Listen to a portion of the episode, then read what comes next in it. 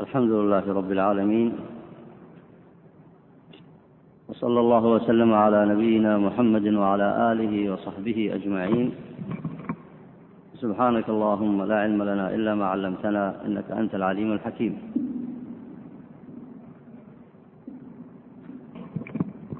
نستكمل هذا الدرس في كتاب الإمام الشاطبي رحمه الله. اقرأ بارك الله فيك فصل.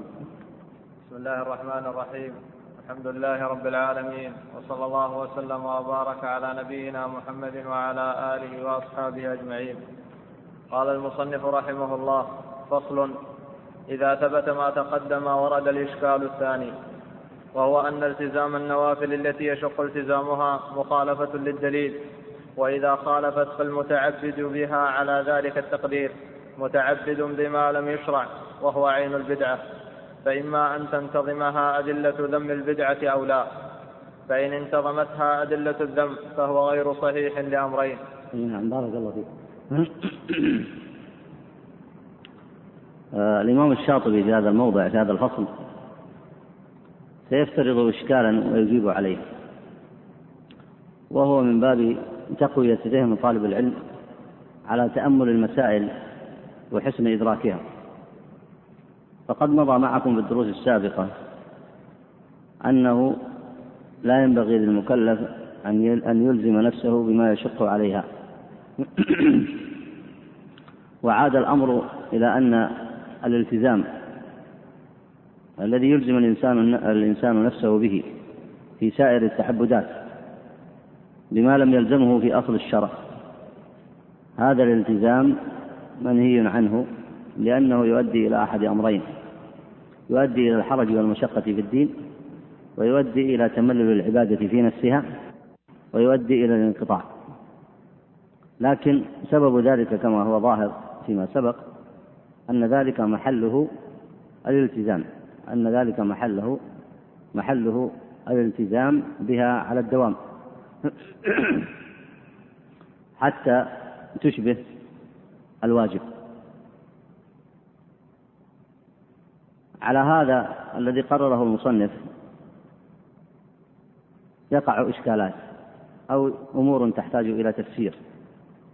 منها أولا أن النوافل والمندوبات اليومية النوافل كنوافل الصلوات التي هي سنن بعد الفرائض وغيرها فيما يشبهها من المندوبات فإن الشرع جعلها على وجه الالتزام وجعل ذلك من السنن التي يلتزم بها على الدوام.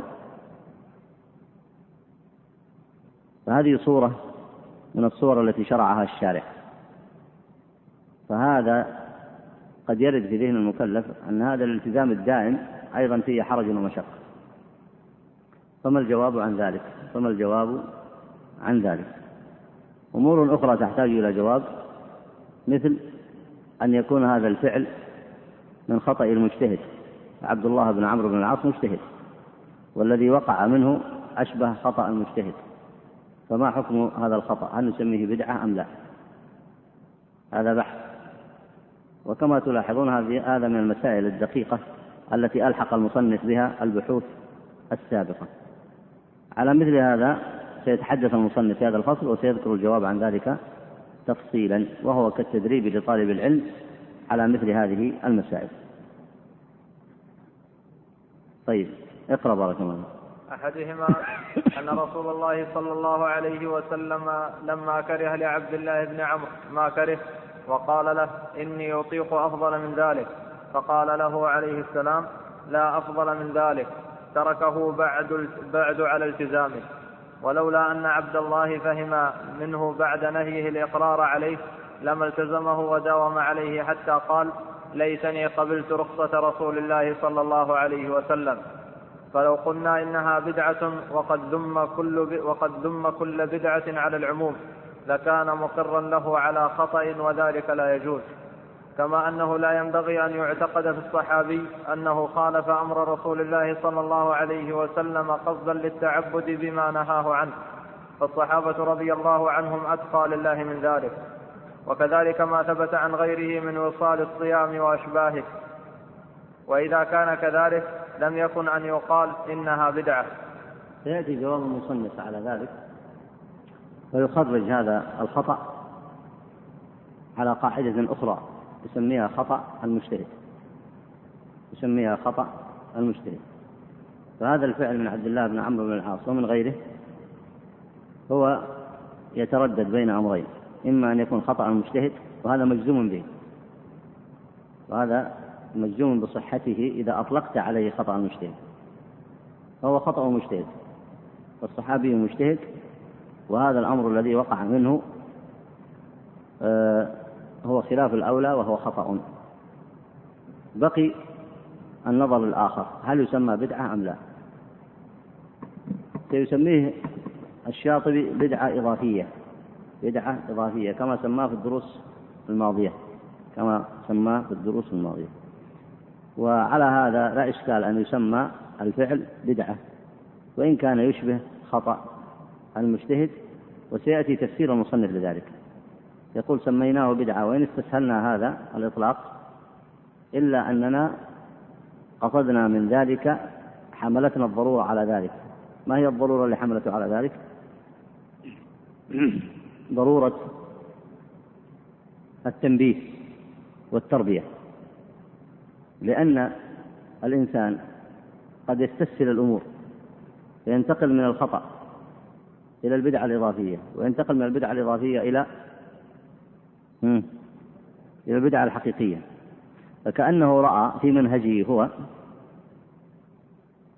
أن الأول يطلق عليه البدعة الإضافية لينحجر المكلف عنه فإذا انحجر عنه وتركه فإنه يسلم من الأمرين يسلم من الخطأ.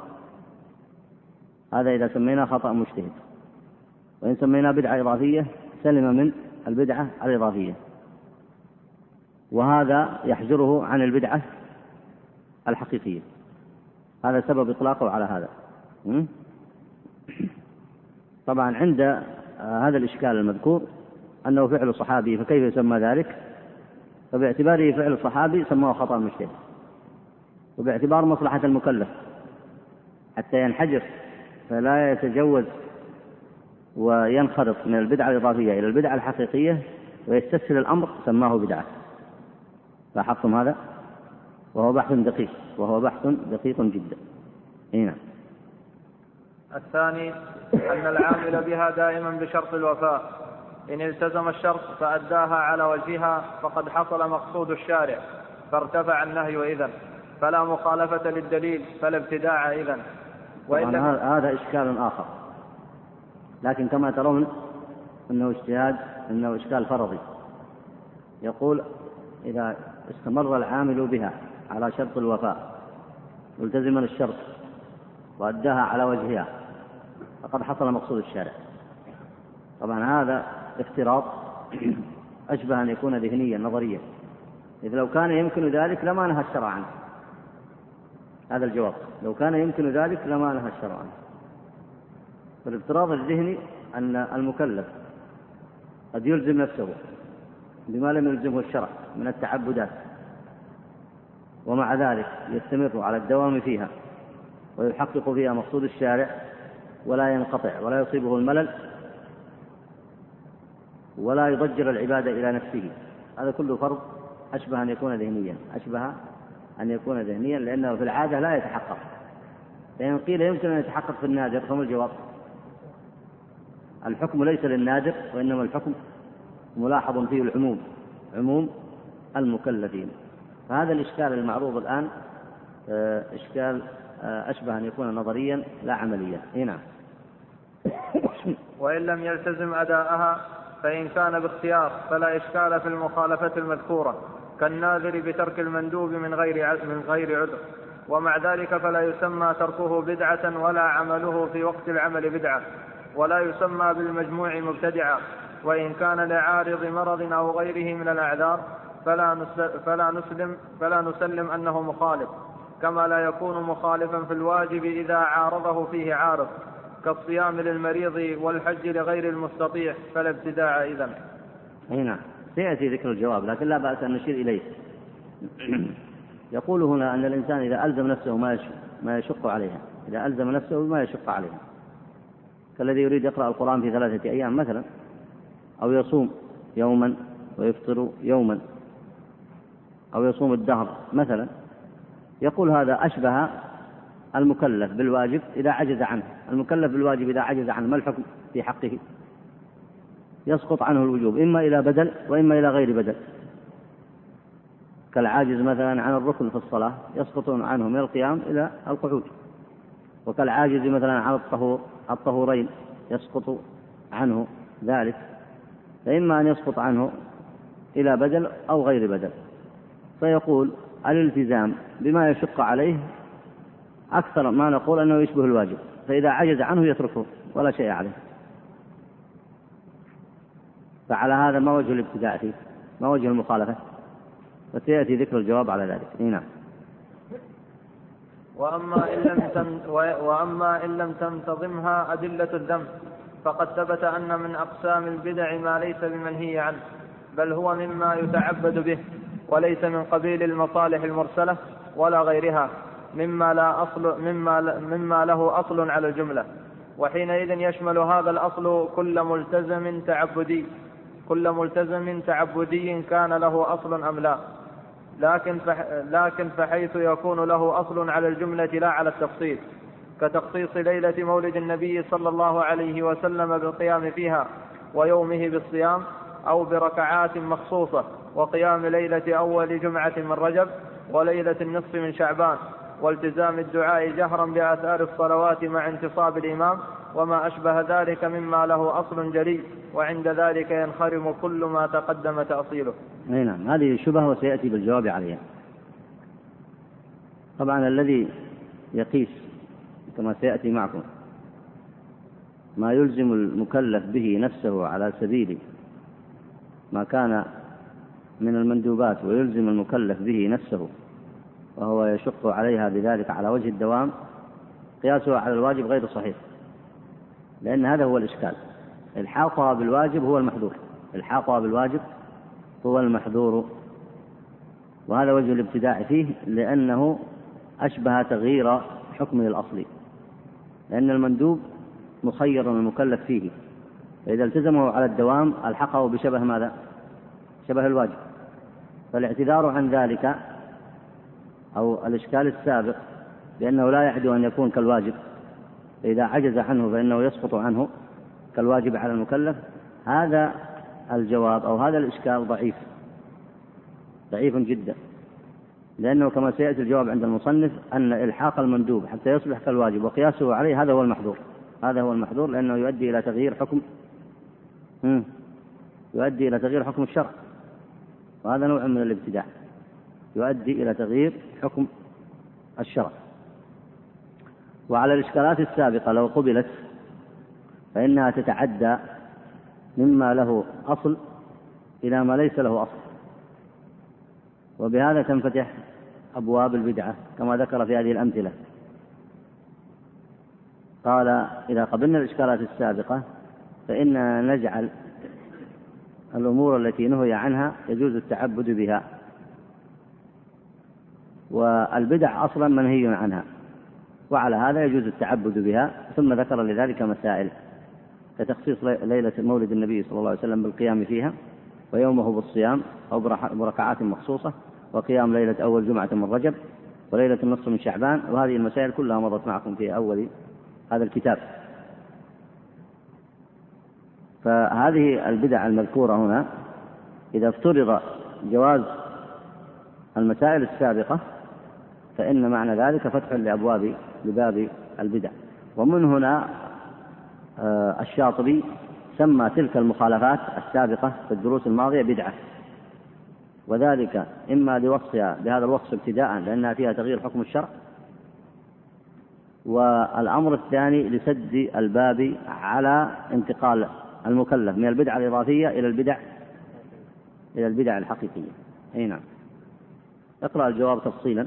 والجواب عن الأول أن الإقرار صحيح ولا يمتنع أن يجتمع مع النهي الإرشاد لأمر خارجي. فإن النهي لم يكن لأجل خلل في نفس العبادة ولا في ركن من أركانها وإنما كان لأجل الخوف من أمر متوقع كما قالت عائشة رضي الله تعالى عنها وهذا معتبر في الشرع هذا معتبر في الشرع. قد تكون صورة العمل ينهى عنها لخوف باعتبار المآل. فاعتبار المآلات اعتبار المآلات معتبرة في الشارع ومعنى اعتبار المآل أن صورة العمل صحيحة لكن ينهى عنها لما يتعلق عليها من الفساد. وهذه قاعدة نص العلماء عليها وسموها سد سد الذريعة أو سد الذرائع يعني سد الذرائع الطرق المؤدية الذريعة هي الطريق سد أو الوسيلة سد الذرائع آه، الطرق والوسائل المؤدية إلى مناقضة قصد الشارع. وعلى هذا ما أدى إلى الابتداع فيأخذ حكمه.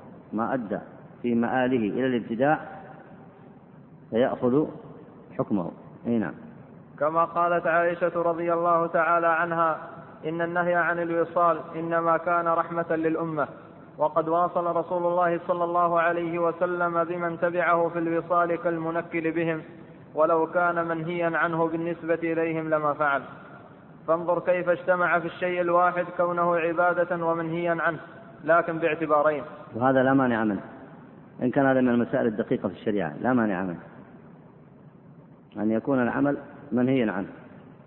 ومع ذلك يترك المكلف لينظر عاقبة أمره. هذا وارد في الشريعة. كما هو في مسألة الوصال.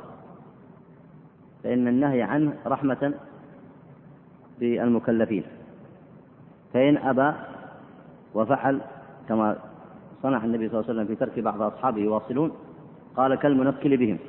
وهذه عقوبة من الشارع وهذه عقوبة من الشارع. لينظر أو لينظروا أثر عملهم في المآل. فيكون العمل منهي عنه بالأصل ثم ينكل بالمكلف في عمله ذاك وتترتب عليه أحكام. ومثاله فيما سبق معكم النذر. من يصور مسألة النذر؟ مثالا لهذا أن يكون العمل له اعتباران مسألة النذر كيف يكون لها اعتباران مم. مم. النذر النذر مم. مم.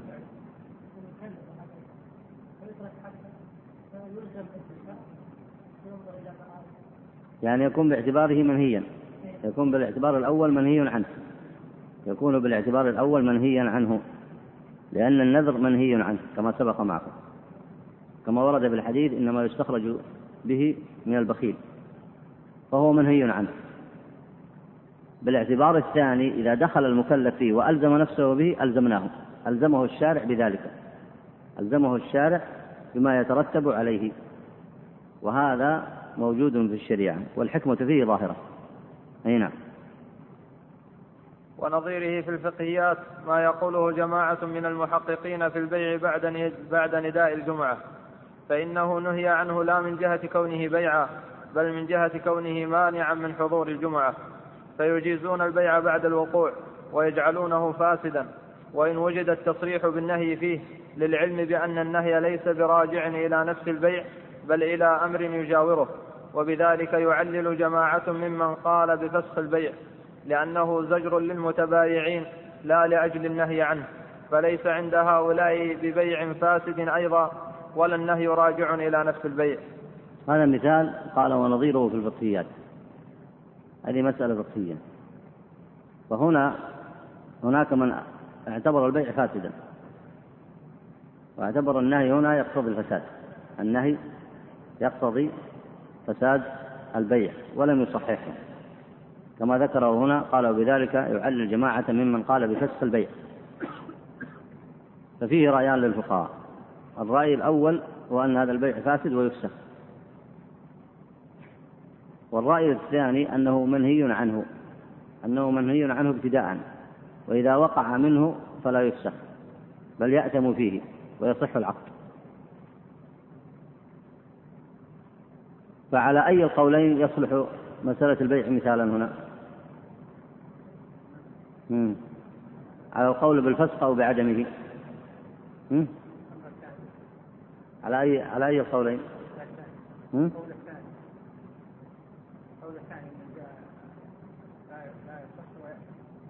على القول الثاني بأنه لا يصح أو أنه يصح ويأثم على أنه يصح ويأثم وعلى هذا يكون قد نهاه عن البيع ابتداء والنهي يقتضي التحريم.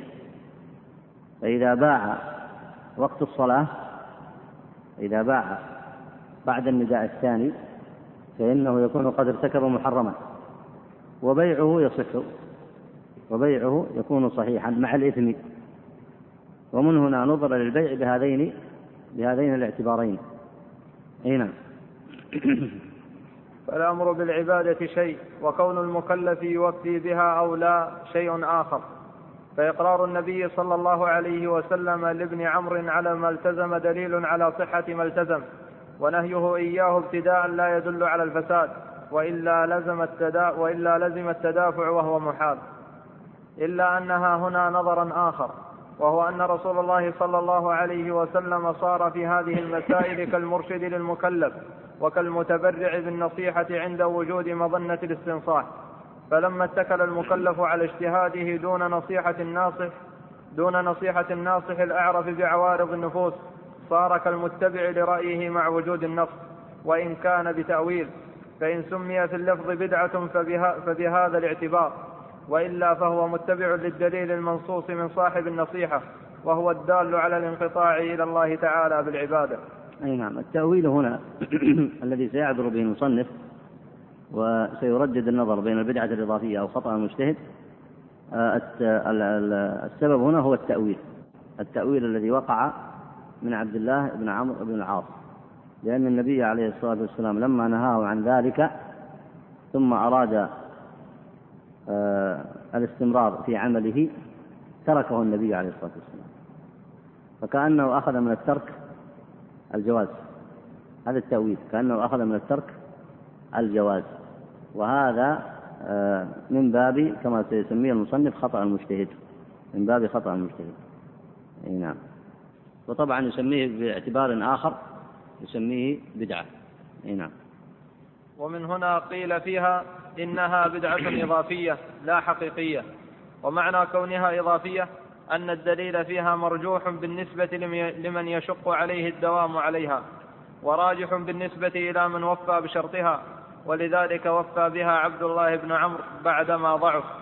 وإن دخل عليه فيها بعض الحرج حتى تمنى قبول الرخصة بخلاف البدعة الحقيقية فإن الدليل عليها مفقود حقيقة.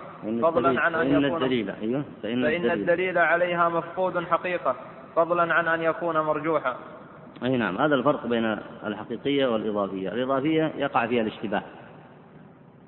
والحقيقية يعني الإضافية يشبه أن يكون لها أصل. لكنها أيضا موضوعة يضعها المكلف على غير وضع الشارع. والبدعة الحقيقية لا أصل لها البتة. وهذا قد مضى معكم في الفرق بين البدعة الحقيقية والبدعة الإضافية. أي نعم. فهذه المسألة تشبه مسألة خطأ المجتهد فالقول فيهما متقارب وسيأتي الكلام فيهما إن شاء الله. يعني اختيار المصنف هنا إما أن نسميها خطأ مجتهد وإما أن نسميها بدعة باعتبار. لكن لا تسمى بدعة حقيقية أصلا لا يصح أن تسمى إيش؟ بدعة حقيقية. لماذا؟ لأن لها أصل وفيها اشتباه. والبدعة الحقيقية لا أصل فيها البت لا أصل لها البت. أي نعم. وأما قول السائل في الإشكال إن التزم الشرط فأدى العبادة على وجهها إلى آخره فصحيح إلا قوله فإن تركها لعارض فلا حرج كالمريض فإنما نحن فيه ليس كذلك بل ثم قسم بل, ثم قسم آخر وهو أن يتركها بسبب تسبب تسبب هو فيه. وإن ظهر أن ليس من سببه فإن ترك الجهاد مثلا باختياره مخالفة ظاهرة وتركه لمرض أو نحوه لا مخالفة فيه. واضح هنا. الآن سيذكر الجواب على من شبه بين الأمرين. فقال إن الإنسان له أن يحرج على نفسه ويلتزم ما يشق عليه وإن لم يلزمه الشارع وهذه لا تعتبر مخالفة. لأنه في النهاية له أن يترك. إذا عجز عما التزم به له أن يتركه. وقاس ذلك على الواجب. فإن المكلف إذا عجز عن الواجب تركه. إما إلى بدل وإما إلى غير بدل كما سبق معكم. جواب المصنف هنا أنه يقول أن ترك الواجب إذا كان ليس بسبب منه فهو معذور. وأما هنا فتركه ما التزم به من المندوبات بسبب منه هو. ما هو السبب الذي وقع منه؟ كيف كيف اعتبرناه متسببا في نفسه؟ في أنه ألزم نفسه بما يشق عليها وقد نهي عن ذلك.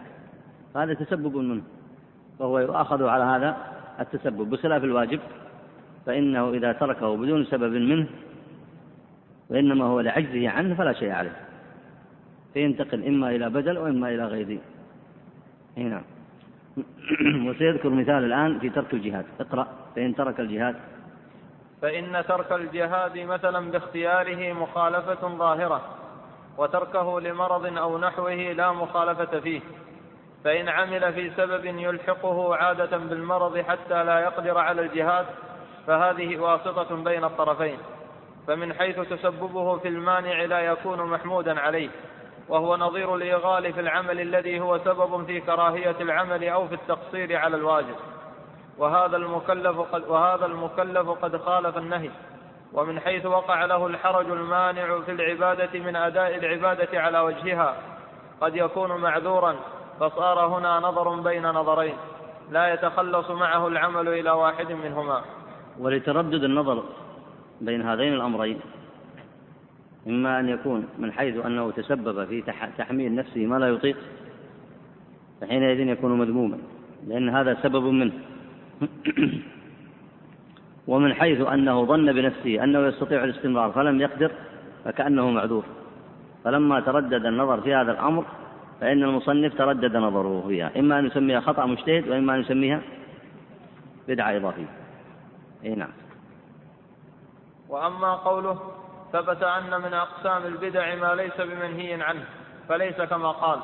وذلك أن المندوب من حيث هو مندوب يشبه الواجب من جهة مطلق من جهة مطلق الأمر ويشبه المباح من جهة رفع الحرج عن التارك فهو واسطة بين الطرفين لا يتخلص إلى واحد منهما.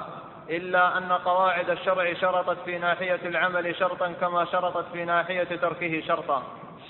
فشرط العمل به ألا يدخل فيه ألا يدخل فيه مدخلا يؤديه إلى الحرج المؤدي إلى انخرام الندب فيه رأسا أو انخرام ما هو أولى منه وما وراء هذا موكول إلى خيرة المكلف.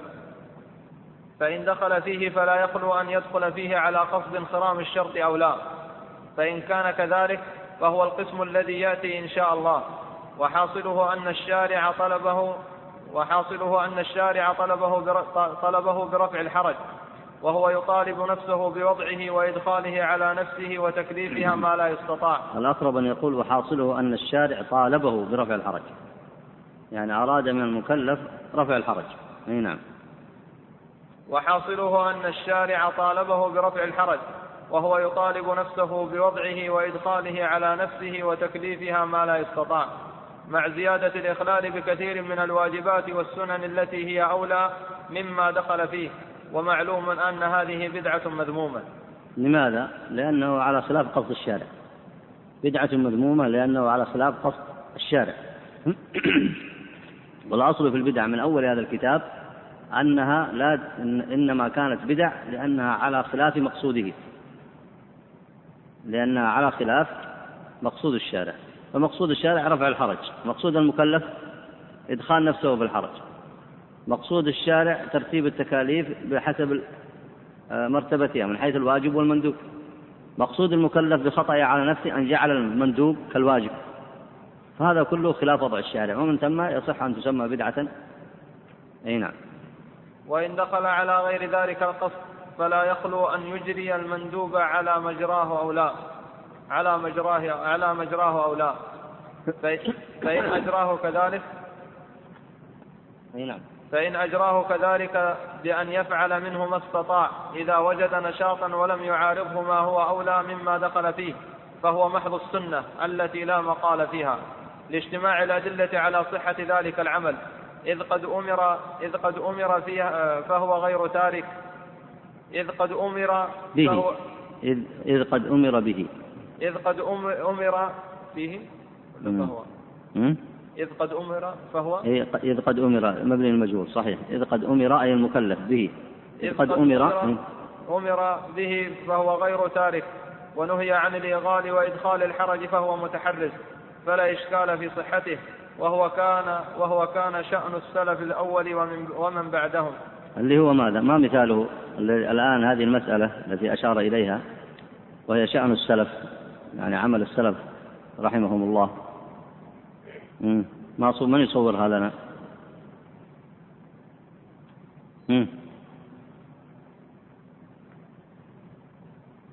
أي نعم نعم لا. من يذكر صورة هذه المسألة التي امتدحها المصنف. أحسنت. الاجتهاد في الأعمال يعني أن يؤدي الواجبات ثم يرتب الأعمال الشرعية ثم يأخذ من المندوبات بقدر ما يستطيع دون أن يلزم نفسه بما يشق عليها. يقول إذا صنع ذلك فهو عمل السلف رضوان الله عليهم ولا شك أن هذا هو محض السنة لأنه دخل فيه على غير قصد الالتزام به في جميع الأحوال. أي نعم. وإذا أجرى المندوب على هذا النحو فهو صحيح. والأدلة تدل على ذلك. أي نعم. وإن لم يجره على مجراه. هذه الصورة الثانية. أي نعم. ولكنه أدخل فيه رأي الالتزام والدوام فذلك الرأي مكروه ابتداء. لكن فهم من الشرع أن الوفاء إن حصل فهو إن شاء الله كفارة النهي. يعني يعتبر غلط منه. لكن إن وفى فالحمد لله. يعني سماه ماذا هنا؟ كفارة النهي لأنه لما ارتكب ما نهي عنه فاحتاج في هذه المخالفة إلى كفارة. ما هي الكفارة؟ أن يؤدي ما التزم به كما هو. فإن نجح في ذلك فهذا كفارة لمخالفته نعم. فلا يصدق عليه في هذا القسم معنى البدعة لأن الله مدح الموفين بالنذر والموفين بعهدهم إذا عاهدوا وإن لم يحصل الوفاء تمحض وجه النهي وربما أثم في الالتزام النذري. ولأجل احتمال عدم الوفاء أطلق عليه لفظ البدعة لا لأجل, لا لأجل أنه عمل بلا دليل عليه بل الدليل عليه قائم. لو أنه عمل بلا دليل عليه مطلقا. إيش نسميه؟ بدعة الحقيقية. هنا طيب. ولذلك إذا التزم الإنسان بعض المندوبات التي يعلم أو يظن أن الدوام فيها لا يوقع في حرج أصلا وهو الوجه الثالث من الأوجه الثلاثة المنبه عليها لم يقع في نهي بل في محض المندوبات كالنوافل الرواتب مع الصلوات. الآن سيستثني ماذا؟ يرفع من ذهن المكلف الإشكال السابق. وهو قياس الالتزام النذري على المداومة على النوافل عقب الصلوات والتسبيح لأن فيها معنى الدوام. سيفرق بين الأمرين. يقول أن هذا الذي فيه معنى الدوام كالسنن الرواتب والتسبيح بأول النهار وآخر النهار هذا كله آه، لا حرج فيه لأن العادة أن المكلف يطيقه بخلاف الثاني وهذا الفرق بين الأمرين. نعم. والتسبيح والتحميد والتكبير في آثارها. أعده من الأول ولذلك. ولذلك إذا التزم الإنسان بعض المندوبات التي يعلم أو يظن أن الدوام فيها لا يوقع في حرج أصلا وهو الوجه الثالث من الأوجه الثلاثة المنبه عليها لم يقع في نهي بل في محض المندوبات كالنوافل الرواتب مع الصلوات. والتسبيح والتحميد والتكبير في آثارها والذكر اللساني الملتزم بالعشي والإبكار وما أشبه ذلك مما لا, مما لا يخل بما هو أولى مما لا يخل بما هو أولى ولا ولا يدخل حرجا بنفس العمل به ولا بالدوام عليه. وفي هذا القسم جاء التحريض على الدوام صريحا ومنه كان جمع عمر رضي الله عنه الناس في رمضان في المسجد ومضى عليه الناس. لأنه كان أولا سنة ثابتة من رسول الله صلى الله عليه وسلم ثم إنه أقام للناس بما كانوا قادرين عليه ومحبين فيه وفي شهر واحد من السنة لا دائما وموكولا إلى اختيارهم لأنه قال والتي ينامون عنها أفضل. هذا كله ليبين أنه لا حرج فيه. بخلاف ما وقع في مثل حديث عبد الله بن عمر وفي مثل الوصال. سيبين أن مثل هذا الذي يسن فيه الدوام لا حرج فيه. أي نعم. وقد فهم السلف الصالح أن القيام في البيوت أفضل فكان كثير منهم ينصرفون فيقومون في منازلهم. ومع ذلك فقد قال نعمة البدعة هذه. فأطلق عليها لفظ البدعة كما ترى نظرا والله أعلم إلى اعتبار الدوام.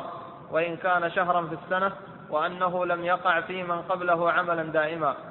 أو أنه أظهره في المسجد الجامع مخالفا لسائر النوافل وإن كان ذلك في أصله واقعا كذلك فلما فلما كان الدليل على ذلك القيام على الخصوص واضحا قال نعمة البدعة هذه. فحسنها بصيغة نعم نعمة التي تقتضي من المدح ما تقتضيه صيغة التعجب لو قال ما أحسنها من بدعة وذلك يخرجها قطعا عن كونها بدعة. أي نعم. ومضى تفسير كلام عمر رضي الله عنه في هذا. مضى تفسيره بذلك على أنه محمول على المعنى اللغوي لا البدعة الشرعية بدليل ثبوت الدليل لها ثبوت الدليل لها من عمل النبي عليه الصلاة والسلام ومتابعة الصحابة على هذا العمل. أي نعم. وعلى هذا المعنى جرى كلام أبي أمامة مستشهدا بالآية. حيث قال أحدثتم قيام رمضان ولم يكتب عليكم إنما معناه ما ذكرناه. ولأجله قال فدوموا عليه ولو كان بدعة على الحقيقة لنهي, لنهى عنه. ومن هذه الجهة أجرينا الكلام على ما نهى عليه السلام عنه من التعبد المخوف المحرج في المآل. المخوف المخوف. المخوف المحرج في المآل. واستسهلنا وضع ذلك في قسم البدع الإضافية.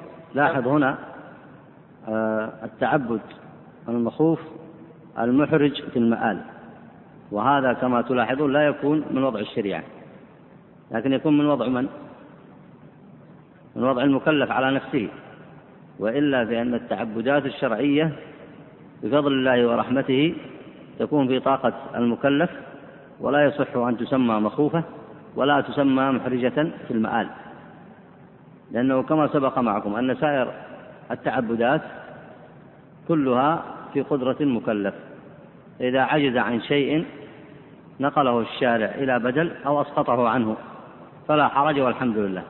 بخلاف ما يضعه المكلف على نفسه مما لم يضعه الشارع ويضعه على وجه الالتزام فإن هذا يصح أن يسمى أو هو في الحقيقة يسمى تعبدا مخوفا يعني يؤدي به إلى الانقطاع ويدخله في الحرج.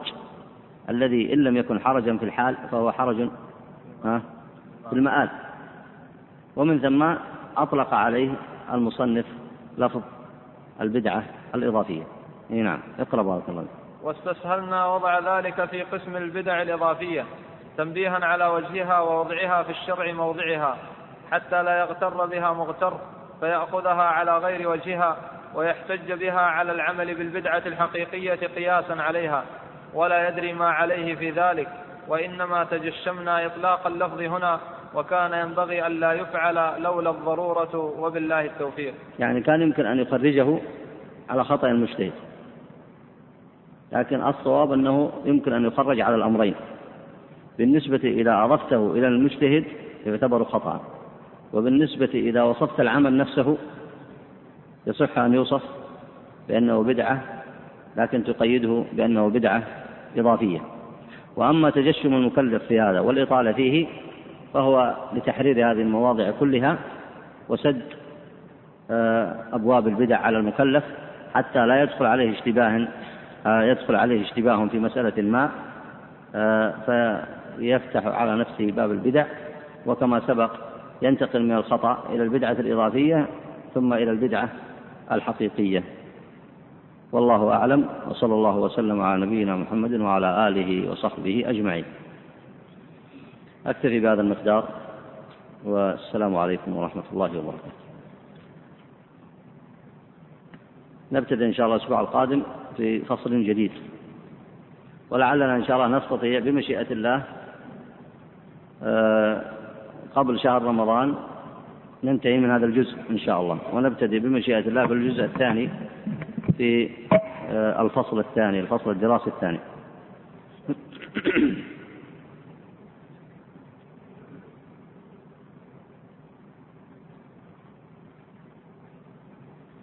يقول هنا نحن آه،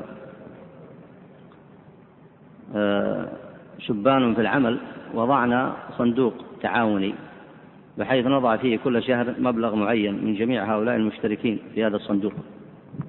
ووضع الرجوع إليه عند ما يضطر أحدنا إلى أن يقترض من هذا الصندوق بحيث يرجع هذا المبلغ على شكل أقساط شهريا يرجع هذا المبلغ على شكل أقساط شهريا. السؤال على هذا هل على هذا الصندوق زكاة؟ علما أن المبلغ لا يحول عليه الحول حيث أكثر ما في هذا الصندوق يكون يقرض به آه، حيث أن أكثر ما في هذا الصندوق يكون على شكل قروض. على أي حال المال الذي لا تحول عليه لا يحول عليه الحول لا زكاة فيه. بقي السؤال لو أن هذا المال حال عليه الحول وهو موضوع لمثل هذا العمل فلا يظهر لي جواب على هذا الموضوع. وإن كان هذا ليس سؤال السائل لكن المقصود الفائدة. لو أن هذا المال آه، حال عليه الحول فهل عليه زكاة أم لا؟ تحتاج هذه المسألة إلى مراجعة والذي يظهر أن هذه هذا الصندوق آه، مثله مثل الجمعيات التعاونية مثله مثل الجمعيات التعاونية. جمعية تعاونية أن يجتمع أناس أفراد عشرة مثلا فيضع كل منهم مال. مثلا خمسة آلاف في الشهر أو ألف في الشهر ثم يأخذ كل منهم شيئا آه، يأخذ نصيبه من المال في وقت محدد سواء على أقساط يأخذه مثلا على أكثر من دفعة أو يأخذه دفعة واحدة. وهذا لأهل العلم فيه رأيان منهم من يجيزه باعتبار أنه لا محذور فيه وهو تعاون على البر والتقوى. على التعاون على البر والتقوى ومنهم من يمنع منه باعتبار أنه قرض جر نفعا. يقول هناك كتاب تهذيب لكتاب الاعتصام. ما رأي فضيلتكم فيه؟ تذكر اسمه. ما اسمه؟ هناك أكثر من كتاب تلخيص لكتاب الاعتصام. فعن أيها تسأل. هذا وصلى الله وسلم على نبينا محمد وعلى آله وصحبه أجمعين.